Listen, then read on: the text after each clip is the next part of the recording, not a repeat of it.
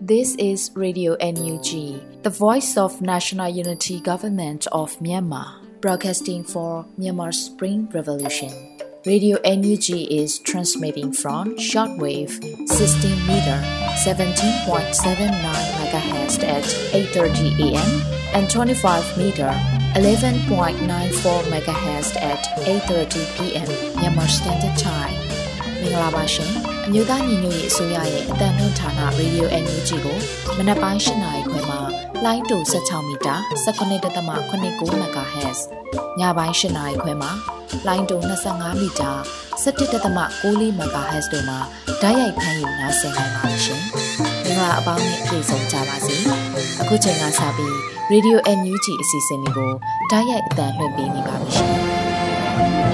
။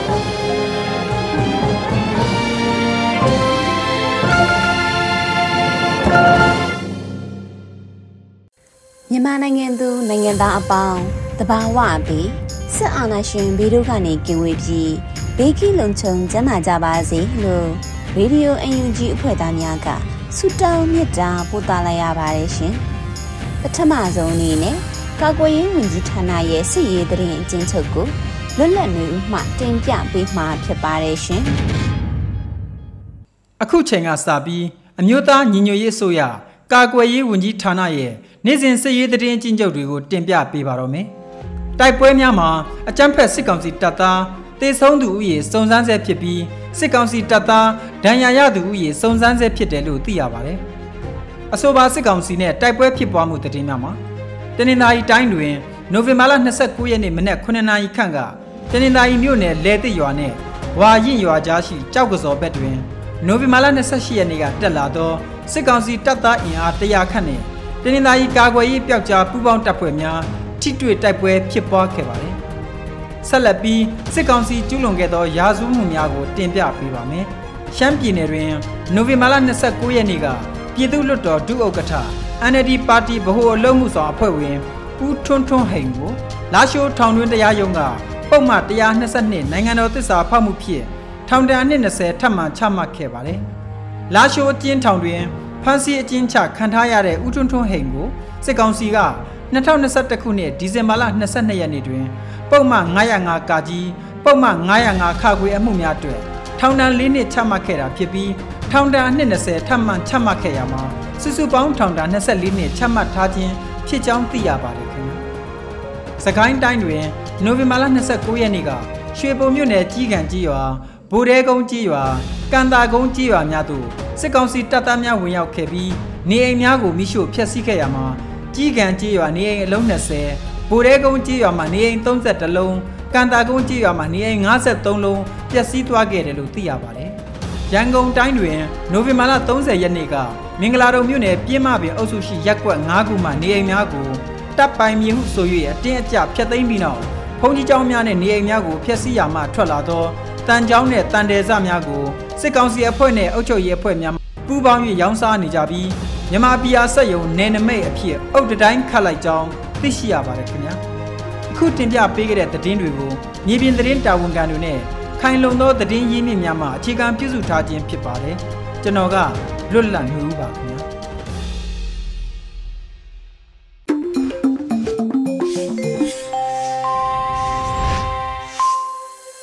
ဆက်လက်ပြီး Radio UNG ရဲ့နောက်ဆုံးရသတင်းများကိုຫນွေဦးမိုင်မှဖက်ချန်းတင်ပြပေးပါမယ်ရှင်။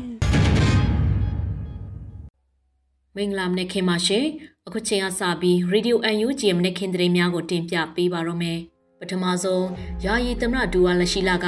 မြန်မာဒီမိုကရေစီအရေးနဲ့အမျိုးသားတန်းတူအခွင့်အရေးအတွက်ကြိုးပမ်းဆောင်ရွက်နေမှုဆွေးနွေးချက်ကို Future Next Leadership Summit နဲ့ Global Broadcast မှာထုတ်လွှင့်ပြသမယ့်သတင်းကိုတင်ပြပေးပါမယ်။ယာယီသမရဒူဝါလက်ရှိလာက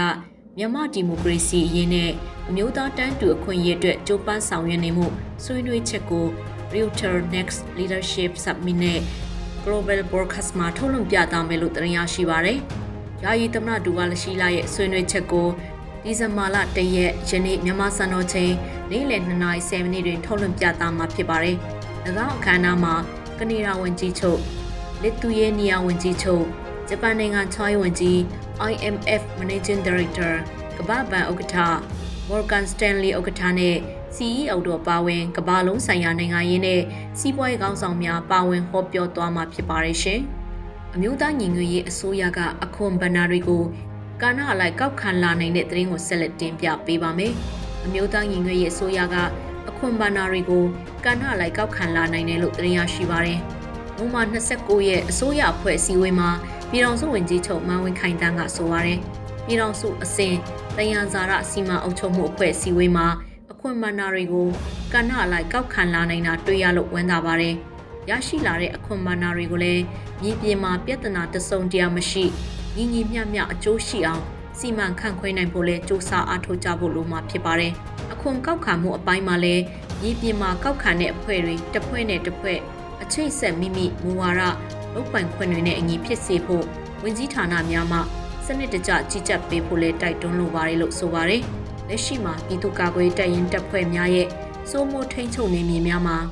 ပြည်သူ့အုပ်ချုပ်ရေးနဲ့ဝန်ဆောင်မှုကဏ္ဍများအပြင်ပညာရေးကျန်းမာရေးကဏ္ဍများကိုလည်းအကောင့်ထဲပေါ်ဆောင်ရွက်လက်ရှိပါတယ်ရှင်။ ဆက်လက်ပြီးအပြော့ဆွဲနေတဲ့ရန်သူကြော်ကွင်းမှာစိတ်ဝဲမကွဲဖို့အရေးကြီးရလို့ပြည်တော်စုဝင်ကြီးဒေါက်တာတူးခေါင်ပြောကြားတဲ့သတင်းကိုတင်ဆက်ပေးပါမယ်။အပြော့ဆွဲနေတဲ့ရန်သူကြော်ကွင်းမှာစိတ်ဝမ်းမကွဲဖို့အရေးကြီးရလို့ပြည်တော်စုဝင်ကြီးဒေါက်တာတူးခေါင်ပြောကြားလိုက်ပါတယ်။နိုမာ30ရက်မှာတော်လှန်ရေးနဲ့ပတ်သက်လို့ပြည်တော်စုဝင်ကြီးဒေါက်တာတူးခေါင်ကဆိုပါတယ်။ကျွန်တော်တို့ရဲ့တော်လှန်ရေးဟာဘက်ပေါင်းစုံလူမျိုးပေါင်းစုံအလွှာပေါင်းစုံပါဝင်တိုက်ပွဲဝင်နေကြတာဖြစ်ပါတယ်။ ဒေသအသီးသီးမှာကျွန်တော်တို့နိုင်ငံကောင်းစားဖို့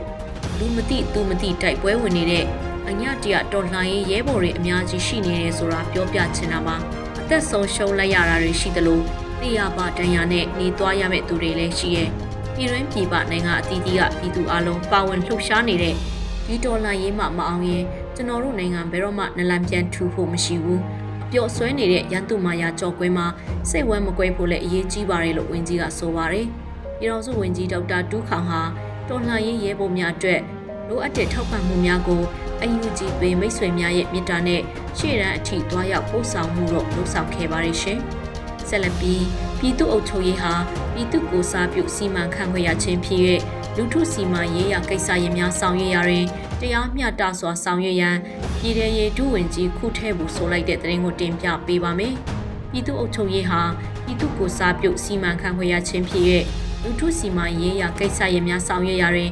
တရားမျှတစွာဆောင်ရွက်ရန်ပြည်ထရေးဒုဝန်ကြီးခုထဲဘူးကဆိုလိုက်ပါတယ်။ပေါ်မှာ30ရက်ကျင်းပတဲ့ပြည်ထရေးနဲ့လူမှုကြီးကြပ်ဝင်ကြီးဌာနနဲ့စကိုင်းတိုင်းမကွေးတိုင်းပဲခူးတိုင်းရှိမြို့နယ်ပြည်သူ့အုပ်ချုပ်ရေးအဖွဲ့များတွိတ်ဆုံဆွေးနွေးမှုမှာပြည်ထရေးဒုဝန်ကြီးကဆိုခဲ့ပါတယ်။ပြည်သူ့အုပ်ချုပ်ရေးသည်ပြည်သူ့ကိုစားပြုစီမံခန့်ခွဲရခြင်းဖြစ်၍လူထုစီမံရေးရာကိစ္စရပ်များဆောင်ရွက်ရာတွင်တရားမျှတစွာဆောင်ရွက်ရန်လိုအပ်ပါကြောင်း ဌာနပေါင်းစုံနဲ့တွိတ်ဆုံဆွေးနွေးရမည်ဖြစ်၍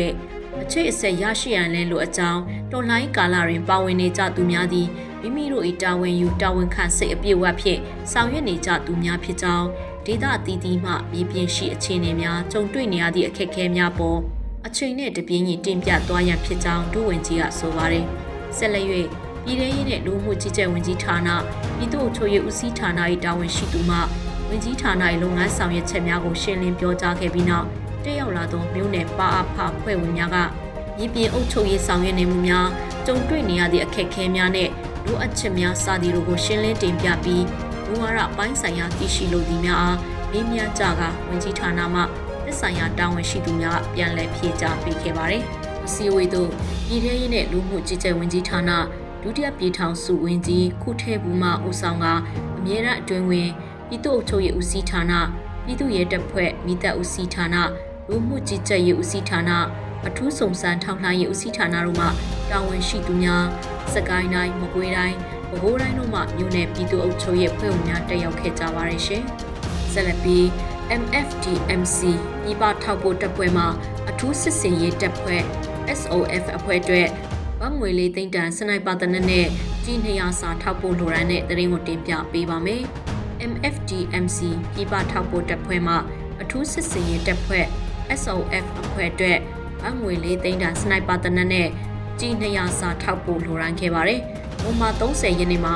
တောင်ပိုင်းစစ်ဒေသကွက်ကရေးအထူးစစ်စင်ရေးတပ်ဖွဲ့ SOF မှအသိပေးဆိုပါတယ်။တောင်ပိုင်းစစ်ဒေသကွက်ကရေးအထူးစစ်စင်ရေးတပ်ဖွဲ့ SOF မှအဓိကလိုအပ်လက်ရှိသောလက်နက်များထဲမှစနိုက်ပါတလက်နဲ့ကြီး200စာအတွက် ဗတ်ငွေလေးသိန်းကို MFDMC ပြည်ပထောက်ပို့တပ်ဖွဲ့မှလှူဒန်းခဲ့ပြီးစနိုက်ပါအသစ်တလေးရရှိခဲ့ပြီးဖြစ်ပါတယ်လို့ဆိုပါတယ်။ထို့သို့လှူဒန်းမှုအတွက်မြန်မာ Federal Democracy အောင်နိုင်ရေးအဖွဲ့ပေါင်းချုပ်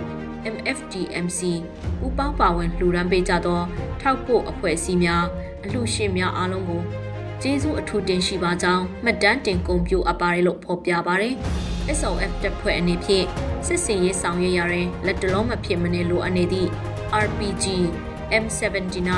စနိုက်ပါလက်နက်များကိုအများဆုံးဖြည့်တင်း၍အောင်ပွဲများဆက်လက်ဖော်ဆောင်နိုင်ရင်အထူးအလေးပေးဆောင်ရွက်နေတယ်လို့လည်းအသိပေးဆိုပါရရှင်။မန္တလေးမြို့မှာဖုန်းဆိုင်ကိုအမျိုးသား2ဦးပစ္စတိုတနက်နဲ့ချိန်ချောက်၍ဖုန်းအလုံး40ကျော်အမှုကြမ်းစီလူရဲ့ယူဆောင်သွားတဲ့သတင်းကိုဆက်လက်တင်ပြပေးပါမယ်။မန္တလေးမြို့မှာဖုန်းဆိုင်ကိုအမျိုးသား2ဦးပစ္စတိုတနက်နဲ့ချိန်ချောက်၍ဖုန်းအလုံး40ကျော်အမှုကြမ်းစီ လူရဲ့ယူဆောင်သွားတယ်လို့တင်ရရှိပါရယ်။နိုမာ30ရက်ညနေ3နာရီကျော်အချိန်မှာ PRO 7 brand new and mobile second hand shop ကလုပ်ငန်းလုပ်ကိုင်သူကဆိုပါတယ်ကျွန်တော်တို့ PRO 7 brand new and mobile second shop လမ်း40 89 80မှာအချိန်3နာရီ18မိနစ်အချိန်မှာ10မိနစ်ကျော်ခန့်ချိန်တွင်ပစ္စတိုတို့ဖြင့်အမှုကြမ်းစီသွားပါတယ်။ပုံအလုံးရေ40ကျော်အမှုကြမ်းစီခံနိုင်ရပါတယ်လို့ဆိုထားပါတယ်။အမှုကြမ်းစီသူများဟာဆိုင်ကယ်နှစ်စီး လူ၄ယောက်လာရောက်ခဲ့ခြင်းဖြစ်ပြီးတော့ဆိုင်ကယ်များဟာလိုင်စင်နံပါတ်မပါဘူးလို့တင်ရရှိပါရရှင်။ဆက်လက်ပြီး3လအတွင်းအကြမ်းဖက်စစ်ကောင်စီတပ်နဲ့ချင်းအမျိုးသားကာကွယ်တပ်ဖွဲ့ CNDF တို့အကြားတိုက်ပွဲပေါင်း12ကြိမ်ဖြစ်ပွားရာစစ်ကောင်စီဘက်မှတေဆုံးသူ38ဦးထိရှိတဲ့တဲ့ရင်ကိုတင်ပြပေးပါမယ်။3လအတွင်းအကြမ်းဖက်စစ်ကောင်စီတပ်နဲ့ချင်းမျိုးသားကာကွယ်တပ်ဖွဲ့ CNDF တို့အကြားတိုက်ပွဲပေါင်း12ကြိမ်ဖြစ်ပွားရာ စစ်ကောင်စီဘက်မှတေဆုံးသူ38ဦးထိရှိရလို့တင်ရရှိပါရယ်။နိုမာ30ရက်နေ့မှာချင်းအမျိုးသားအဖွဲ့ချုပ်က2022ခုနှစ်စက်တင်ဘာလမှနိုမာလအတွင်းတိုက်ပွဲတရင်ကိုအသိပေးဆိုပါရယ်။2022ခုနှစ်စက်တင်ဘာလမှနိုမာ3လအတွင်းချင်းပြည်နယ်ဖလားမြို့နယ်နဲ့ကလေးမြို့နယ်တွင်အကြမ်းဖက်စစ်ကောင်စီတပ်နဲ့ချင်းအမျိုးသားကာကွယ်တပ်ဖွဲ့ CNDF တို့အကြားတိုက်ပွဲပေါင်း12ကြိမ်ဖြစ်ပွားခဲ့လို့ဆိုပါရယ်။နိုမာလ15ရက်နေ့မှာစရွက် နိုမာလ23ရက်နေ့အထိလေကြောင်းအုံပြုပြီးတာလွန်အင်အားဖြင့်အစမတန်တိုက်ခိုက်ခံခဲ့ရပြီးတော့တိုက်ပွဲများတွင်အကြမ်းဖက်စစ်ကောင်စီဘက်မှတေဆုံးသူ38ဦးထိရှိခဲ့လို့ဖော်ပြပါရယ်။ CNDF ဘက်မှတိုက်ပွဲတွင်9ဦးတန်ရာရရှိပြီးအကြဆုံးမရှိခဲ့ဘူးလို့ဆိုပါတယ်။အကြမ်းဖက်စစ်ကောင်စီဘက်များမှပြစ်ခတ်သောအမျိုးအမည်မသိမိကြီးပုံစံလက်နက်ကြီးကြောင့်ပြီးပေါ်ကျေးရွာရှိနေအိမ်သုံးလုံးမိလောင်ကျွမ်းခဲ့ပြီး ဝက်သေးကျေးရွာမှစိတ်မနှံ့သူအမျိုးသားတဦးအားတက်ဖြတ်ကားစိတ်မနှံ့သူအမျိုးသမီးတဦးအားဖမ်းဆီးခေါ်ဆောင်သွားခဲ့လို့ဆိုပါတယ်ရှင်။ဆက်လက်ပြီးအာနာသိန်းအကြမ်းဖက်စစ်ကောင်စီတပ်များမှညောင်လေးပင်ခရိုင်အတွင်းတိုက်ပွဲဖြစ်ပွားပြီးနောက်ကျေးရွာအတွင်းသို့လက်နက်ကြီးများပစ်ခတ်၍နေအိမ်များအားမိရှုဖျက်ဆီးတဲ့တဲ့ရင်ကိုတင်ပြပေးပါမယ်။အာနာသိန်းအကြမ်းဖက်စစ်ကောင်စီတပ်များမှညောင်လေးပင်ခရိုင်အတွင်းတိုက်ပွဲဖြစ်ပွားပြီးနောက်ကျေးရွာအတွင်းသို့လက်နက်ကြီးများပစ်ခတ်၍ နေအိမ်များအားမိရှုဖျက်ဆီးခဲ့ပါတယ်။နိုမာ30ရက်မှာ KNU ဗဟိုကတီးပြုတ်ထုတ်ပြန်ပါတယ်။ KNU ကရင်အမျိုးသားအစည်းအရုံးကော်လေးတူအုပ်ချုပ်နေမြေရောင်လေးပင်ခရိုင်ကြောက်ကြီးမြို့နယ်ဘောကထာကျေးရွာအုပ်စုဘောကထာကျေးရွာတွင်နိုမာလ29ရက်နေ့နေ့လယ်2:10မိနစ်အချိန်တွင်အာနာသိန်းအကြမ်းဖက်စစ်ကောင်စီတပ်များနှင့်ကရင်အမျိုးသားလူမျိုးရေးတပ်မတော် KNLA ကရင်အမျိုးသားကာကွယ်တပ်ဖွဲ့ KNDO တို့ထိတ်တိုက်တိုက်ပွဲဖြစ်ပွားခဲ့လို့ဆိုပါတယ်။ တိုက်ပွဲဖြစ်ပွားပြီးနောက်အာနာသိန်းအကြမ်းဖက်စစ်ကောင်စီတပ်များမှပြည်သူလူထုများအားပြစ်မှတ်ထားပြီးကြေးရွာရင်းသို့လက်နက်ကြီးများပစ်ခတ်ခဲ့ပါတယ်။ထို့သို့ပစ်ခတ်မှုကြောင့်မပီကြီးကျေးရွာတွင်ရှိနေအိမ်သုံးလုံးနဲ့စာတင်ကျောင်းတစ်ကျောင်းမပီလေကျေးရွာတွင်စေပေခန်းတစ်လုံးထိခိုက်ပျက်စီးခဲ့လို့သိရရှိပါရတယ်။ထို့ပြင်နိုမာလာ28ရက်အာနာသိန်းအကြံဖက်စစ်ကောင်စီတပ်များ၏ခမရ20မှကြောက်ကြီးမြို့နယ်ပရေကောကျေးရွာအုပ်စုပ ရေကောကျေးရွာမင်းလန်းပိုင်းတွင်နေအိမ်18လုံးကိုမိရှုဖျက်ဆီးခဲ့ပြီးနိုမာလာ29ရက်နေ့မှာဘုကထာကျေးရွာရှိနေအိမ်3လုံးကိုထပ်မံမိရှုဖျက်ဆီးခဲ့ပါတယ်ရှင်။တီးလင်းမြို့နယ်လမ်းကြောင်းတနေရာမှာဝါများကိုတရားမဝင်ထုတ်ယူနေကြောင်းစစ်ဆေးတွေ့ရှိ၍ AUGE ဓာတ်ရိုက်ချင်းဆိုင်ရာလမ်းငင်ချက်ရဝါတန်ဘုံ25ရာခိုင်နှုန်းကိုဒဏ်ကြေးရိုက်တဲ့သတင်းကိုဆက်လက်တင်ပြပေးပါမယ်။တီးလင်းမြို့နယ်လမ်းကြောင်းတနေရာမှာဝါများကို တရားမဝင်ထုတ်ယူနေကြောင်းစစ်ဆေးတွေ့ရှိ၍ AUGE ဓာတ်ရိုက်ချင်းဆိုင်ရာလမ်းငင်ချက်ရဝဝါတန်မိုး25ရာခိုင်နှုန်းကိုဒဏ်ကြေးရိုက်ခဲ့တယ်လို့တင်ရရှိပါတယ်။နိုမာ30ရက်မှာရောတော်လှန်ရေးတက် YRA ချီလင်းကအတည်ပြုဆိုပါတယ်။တရားမဝင်တဲ့နဲ့ဝါများစီးဆင်းနေကြောင်းပြည်သူများ၏တရင်ပေးချက်အရချီလင်းမြို့နယ်အတွင်းရှိလမ်းကြောင်းတနေရာတွင်ရောတော်လှန်ရေးတက် YRA ချီလင်းနဲ့ ချီလင်းမြို့နယ်ပြည်သူ့ရဲအဖွဲ့ပူးပေါင်း၍စစ်ဆေးဂိတ်တစ်ခုဖွင့်လှစ်စစ်ဆေးခဲ့ရာနိုမာ29ရက်နေ့တွင်ဝါအလုံး9000တင်ဆောင်လာသောကားတစ်စီးအားဖမ်းဆီးရမိခဲ့တယ်လို့ဆိုပါတယ်။စစ်ဆေးမိမြတ်ချက်များအရဆိုပါကားဟာထိုလမ်းကြောင်းကိုအသုံးပြု၍ကံကောမြို့နယ်တွင်မှဝါများကိုတရားမဝင်ထုတ်ယူနေသည်မှာ15ခေါက်ခန့်ရှိပြီဖြစ်ကြောင်းသိရပါတယ်။မြို့သားရင်ရွေးရဲ့အစိုးရ NUG မြို့နယ်ပြည်သူ့အုပ်ချုပ်ရေးအဖွဲ့ထံပေးဆောင်ရမည့် အခွင့်စီမင်းများအတိုင်းပေးဆောင်ထားခြင်းမျိုးမရှိဘဲလိဆက်ရာပါကဖာများဖြတ်တန်းရလမ်းကြောင်းရှိ PDF ကိန်းများထံတွင်သာရန်ပုံငွေလှူဒန်း၍ဖြစ်တန်းခြင်းဖြစ်ကြောင်းသိရှိရပါတယ်။ကျွေးလင်းမြို့နယ်ပြည်သူ့ရဲ့အဖွဲ့မှအဆိုပါတရားမဝင်ဝါထုတ်ယူမှု၏ပိုင်ရှင်ဖြစ်သူအား AUG တန်းရဲ့ချင်းဆိုင်ရာလမ်းငွေချက်ရစုစုပေါင်းဝါတံဖိုး၏25ရာခိုင်နှုန်းဖြစ်သော၄သိန်းချက်တီတီကိုတန်းရိုက်ခဲ့ပြီးနောက်နောက်တွင်ယခုကဲ့သို့ပြည်သူပိုင်တည်ရန်ဇာရများအား တရားမဝင်ထုတ်ယူသုံးစွဲခြင်းများမပြုလို့ရန်ခံဝန်ကတိလက်မှတ်ရေးထိုးခိုင်း၍ပြန်လွှတ်လိုက်တယ်လို့ဖော်ပြပါရရှင်။ဆက်လက်ပြီးကမ်ဘလိုမျိုးနယ်ဇောချောင်းရွာကိုစစ်ကောင်စီတပ်များ6ကြိမ်မြောက်မိရှုဖျက်ဆီးတဲ့တဲ့ရင်ကိုတင်ပြပေးပါမယ်။စကိုင်းတိုင်းကမ်ဘလိုမျိုးနယ်ဇောချောင်းရွာကိုစစ်ကောင်စီတပ်များ6ကြိမ်မြောက်မိရှုဖျက်ဆီးခဲ့လို့တင်ရရှိပါတယ်။နိုမာ30ရက်နေ့မှာကိုးတောင်မို့တော်လှန်ရေးအင်အားစုကတီးပြုတ်ဆိုပါတယ်။ တတောရွာမှာ3ညအိပ်ပြီးထွက်လာတဲ့စစ်ကောင်စီတပ်တွေကဇော်ချောင်းရွာကိုဝင်ပြီးမနက်7:35အချိန်ကစပြီးဇော်ချောင်းရွာကို6ကြိမ်မြောက်မိရှို့နေကြပါတယ်လို့ဆိုပါတယ်။မိရှို့ဖျက်ဆီးခဲ့တဲ့စစ်ကြောင်းဟာကမ်မလိုမျိုးနဲ့ကိုးတောင်ဘုတ်အထိုင်ဖမရ363စစ်ကြောင်းဖြစ်တယ်လို့တင်ရရှိပါတယ်ရှင်။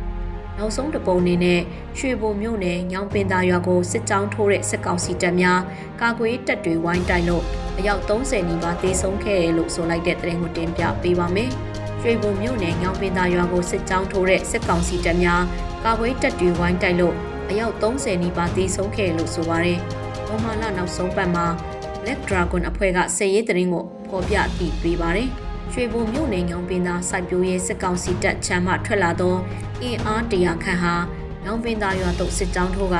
Black Dragon အဖွဲ့နဲ့အတူ SPDF Tiger Force ရွှေဘုံမြို့နယ်ပါကဖ local PDF အဖွဲ့များစွာနဲ့တိုက်ပွဲအပြင်းထန်ဖြစ်ပွားခဲ့ပါတယ်လို့ဖော်ပြပါတယ်။စစ်ကောင်စီတပ်များအသေးများ၍လက်နက်ကြီးလက်နက်ငယ်များနဲ့အချွေရည်များစွာတရက်ဆက်ပစ်ခတ်ခဲ့ရာ Black Dragon အဖွဲ့မှရဲဘော်၃ဦးထိခိုက်ဒဏ်ရာရခဲ့ပြီး မဟာမိတ်အဖွဲ့ဖြစ်သော Dog Hunter အဖွဲ့မှလည်းရဲဘော်တူဒဏ်ရာရခဲ့လို့တင်ရရှိပါတယ်။တိုက်ပွဲဖြစ်ပွားချိန်2နာရီကျော်ကြာ၍လက်နက်အင်အားမမျှသောကြောင့်ရဲဘော်များနောက်ဆုတ်ပေးခဲ့ရပြီးစစ်ကောင်စီတပ်များ30ခန့်သေဆုံးတယ်လို့ဆိုပါတယ်ရှင်။အခုတင်ပြပေးခဲ့တဲ့သတင်းတွေကိုတော့ Radio UNG သတင်းထောက်မင်းမမပေးပို့ထားတာဖြစ်ပါတယ်ရှင်။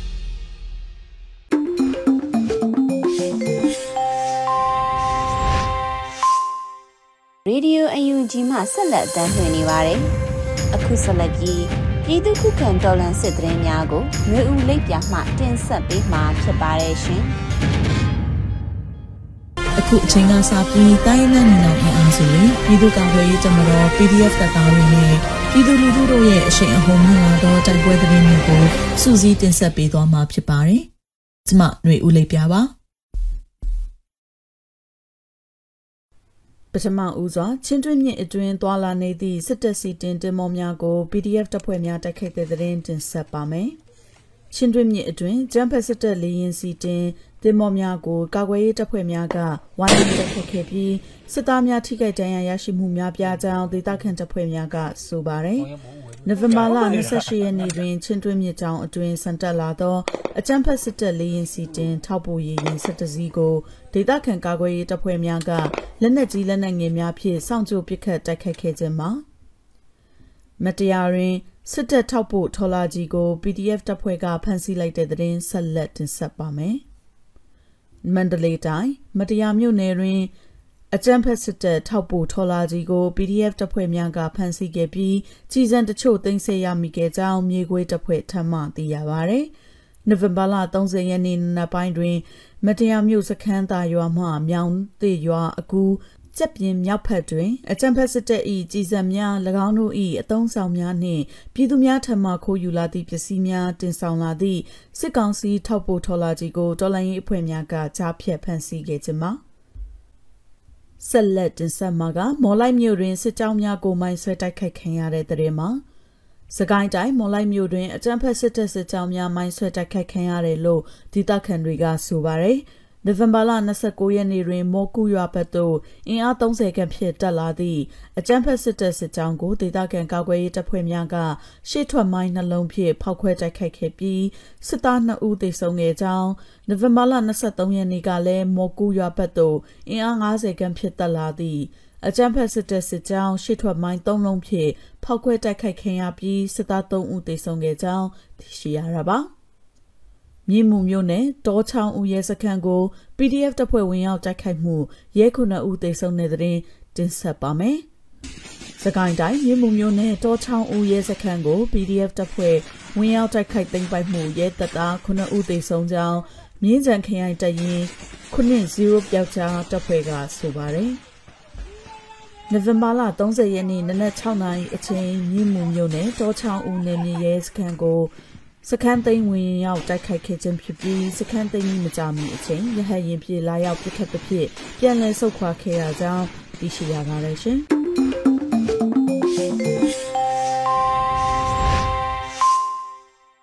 ရေဒီယိုအယူဂျီသောတာရှင်များရှင် PVTV ရဲ့နေ့စဉ်သတင်းများကိုထထအင်ဒရာအောင်မှဖတ်ကြားတင်ပြပေးထားပါတယ်ရှင်။ ထမအောင်ဆုံးတင်ဆက်ပေးမယ့်သတင်းကတော့ကာကွယ်ရေးဝန်ကြီးဌာနကဓာတုလက်နက်တွေရဲ့ဘေးအန္တရာယ်ကာကွယ်ရေးအကြံပြုချက်တွေကိုထုတ်ပြန်လိုက်တဲ့သတင်းပါအမျိုးသားညီညွတ်ရေးအစိုးရကာကွယ်ရေးဝန်ကြီးဌာနကဓာတုလက်နက်တွေရဲ့ဘေးအန္တရာယ်ကာကွယ်ရေးအကြံပြုချက်တွေကိုပြည်သူတွေအတွက်ထုတ်ပြန်လိုက်ပါတယ်။ အတိပေးထုတ်ပြန်ချက်ထဲမှာစစ်ပွဲတွေမှာတမယုကြလက်နက်တွေသာမကပဲအစိတ်အသင့်စီတဲ့ဓာတုပစ္စည်းတွေကိုစစ်လက်နက်တွေမှာတပ်ဆင်ပစ်ခတ်တာကြောင့်စစ်ဘက်ဆိုင်ရာပြစ်မှတ်တွေအပြင်အရက်သားတွေပါတိချီဒဏ်ရာရလိရှိတယ်လို့ဖော်ပြထားပါတယ်။ဓာတုလက်နက်တွေကအစိတ်တွေကပဝင်းကျင်မှာဓာတ်ငွေအရင်နဲ့အမုံအစရှိသလိုပုံစံမျိုးစုံနဲ့တည်ရှိနိုင်တယ်ဆိုတာနဲ့၎င်းတို့ရဲ့ဘေးအန္တရာယ်ကိုတာမန်အဝတ်အစားတွေလုံခြုံစွာဝတ်ဆင်ထားတာနဲ့မကာကွယ်နိုင်ဘူးဆိုပြီးတော့လည်းဖော်ပြထားပါတယ်။ ဓာတုလက်နက်ကြောက်လာတဲ့နေရာတွေအနီးတဝိုက်ကိုကာကွယ်ရေးဝစ်စုံမပါဘဲနဲ့တွားရောက်တာလက်ဗလာနဲ့ပစ္စည်းတွေကိုကင်တွယ်တာလူနာတွေကိုကြည့်ရှုတာမပြုရဘူးဆိုတာရဲ့အဆိုပါအစိတ်ဓာတ်တွေကိုထိတွေ့ရှုရှိုက်မျိုးချမိပါကအရေးပြမျက်လုံးအသက်ရှူလမ်းကြောင်းနဲ့ပါဇက်တို့မှတဆင့်ခန္ဓာကိုယ်အတွင်းဝင်ရောက်ပြီးတော့အစိတ်တင်စီကကျန်းမာရေးကိုထိခိုက်စေပြီးတော့အသက်ဆုံးရှုံးတဲ့အထိဖြစ်တတ်တယ်ဆိုပြီးတော့ဖော်ပြထားပါတယ်။ ဒါအပြင်ဓာတုပစ္စည်းတစ်မျိုးချင်းစီအလိုက်အစိတ်သင့်မှုပုံစံမျိုးစုံရှိပြီးတော့အဲ့ဒီလက္ခဏာတွေကိုသတိထားရန်လိုအပ်တယ်ဆိုပြီးတော့လဲကာကွယ်ရေးဝန်ကြီးဌာနကထောက်ပြထားပါတယ်။ဓာတုအစိတ်သင့်မှုကြောင့်အရေးပြားအသက်ရှူလမ်းကြောင်းအဆုပ်နှလုံးအုံနောက်နဲ့အာယုံကြောအစာအိမ်ဦးလန်းကြောင်းနဲ့ကြွက်သားအဖွဲ့အစည်းတွေကိုထိခိုက်ပျက်စီးစေတတ်ပါတယ်။ဒါကြောင့်ထိခိုက်ဒဏ်ရာမရှိပေမဲ့အစိတ်သင့်လက္ခဏာရှိသူများရရှိထားသောဒဏ်ရာနဲ့မသက်ဆိုင်တဲ့ဝေဒနာခံစားနေရသူများ ခန္ဓာကိုယ်ထိခိုက်မှုတစုံတရာမရှိပါပဲလူအများအပြားရုပ်ချင်းတည်ဆုံမှုများပုံမှန်မဟုတ်သောအနက်အရည်နဲ့အငွေးတို့ကိုတွေ့ရှိရပြီးအစိတ်တင်လက္ခဏာများပြသလာပြီးဆိုရင်ဒါတို့အစိတ်တင်မှုဖြစ်တာလို့ယူဆနိုင်တယ်ဆိုပြီးတော့လဲကာကွယ်ရေးဝန်ကြီးဌာနရဲ့အသိပေးချက်မှာဖော်ပြထားပါတယ်။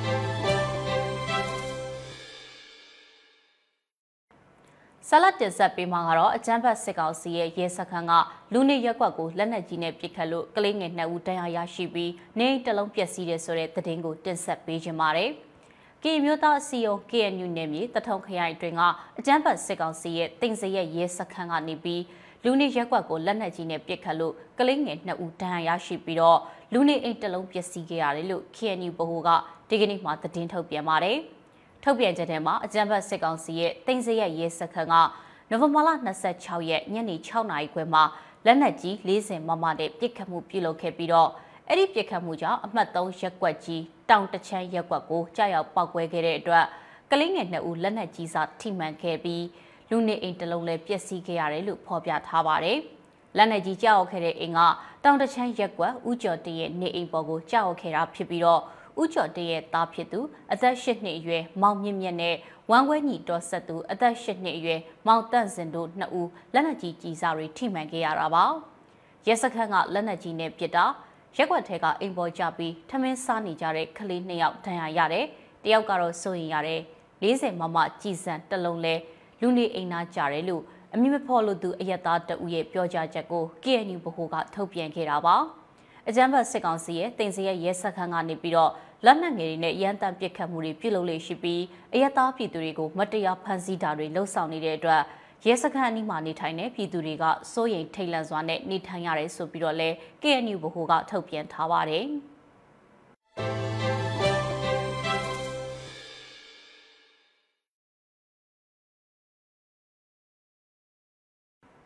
အခုတခါတင်ဆက်ပေးမှာကတော့ထီချိုင်မြို့နယ်အတွင်းမှာအကြမ်းဖက်စစ်တပ်ကကြေးရွာတွေကိုစစ်ကြောင်းထိုးမီးရှို့တာနဲ့လေကြောင်းကနေပုံကျဲတိုက်ခိုက်တာတွေပြုလုပ်နေတဲ့တဲ့တင်မှာ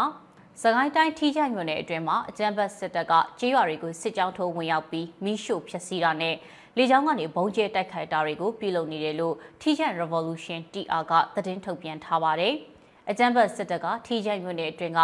အင်းဒိန်ကြေးရွာကိုဒီကနေ့မနက်၈နာရီမှာမီးရှို့မှုပြုလုပ်နေပြီးတော့ စာရင်ဘက်ကိုလက်နက်ကြီးနဲ့ပစ်ခတ်ခဲ့ရမှာစာရင်ဖျားနီကိုလက်နက်ကြီးကြောက်ခဲ့တယ်လို့ Teacher Revolution TR ကဖော်ပြထားပါတယ်။အကြမ်းဖက်စစ်တပ်ကမနေ့ကညကတည်းက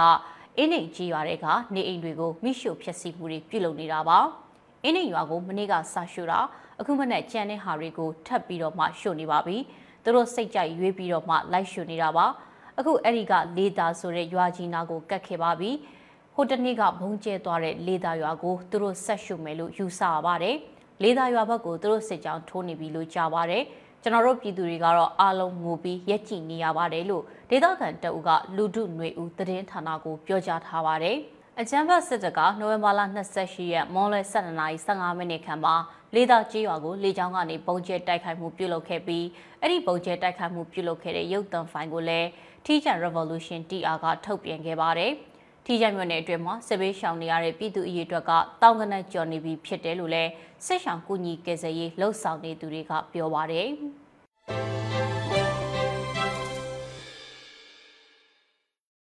နောက်ထပ်အနေနဲ့အကြမ်းဖက်စစ်တပ်ရဲ့ထောက်ပို့ရေးရင်တွေကိုဒေသခံပြည်သူ့ကာကွယ်ရေးတပ်တွေကမိုင်းဆွဲတိုက်ခိုက်ခဲ့တဲ့တဲ့တင်ကိုတင်ဆက်ပေးပါအောင်မယ်။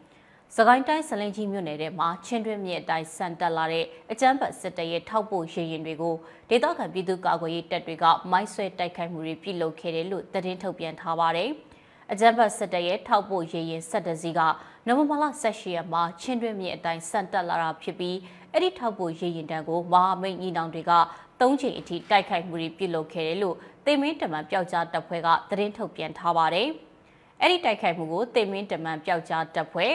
စလင်ကြီး Revolution Army SRA Children Defense Force CDF စလင်ကြီး Genset People Defense Force အောင်ဆန်း Force မုံရွာခရိုင်တရင်ကအောင်ဆန်း Generation မုံရွာခရိုင်တမဏိတရင်ရွှေညီကိုပျောက်ကြားတပ်ဖွဲ့စစ်သူကြီးပျောက်ကြားတပ်ဖွဲ့ Sprint Death Force Fight for Freedom F3 ဆရာချင်းနဲ့ညီနောင်များအဖွဲ့ BED ငညိုပျောက်ကြားတပ်ဖွဲ့ပကဖမုံရွာစလင်ကြီးပြည်သူ့လုံခြုံရေးတပ်ဖွဲ့ပါလာဖ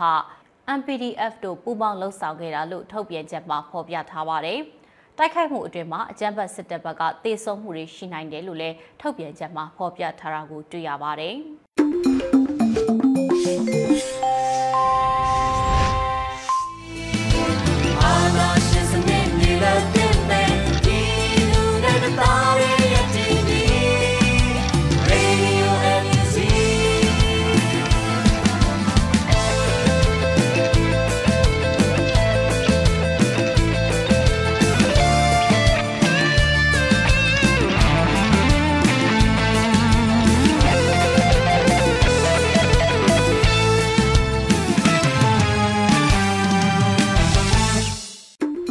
ကနေ့ကတော့ဒီညနဲ့ပဲ Radio NUG ရဲ့အစီအစဉ်လေးကိုခਿੱတရနာလိုက်ပါမယ်ရှင်။မြမစံတော်ချိန်မနက်၈နာရီခွဲနဲ့ည၈နာရီခွဲအချိန်တွေမှာပြန်လည်ဆုံတွေ့ကြပါစို့။ Radio NUG ကိုမနက်ပိုင်း၈နာရီခွဲမှာလိုင်းတူ16မီတာ19.8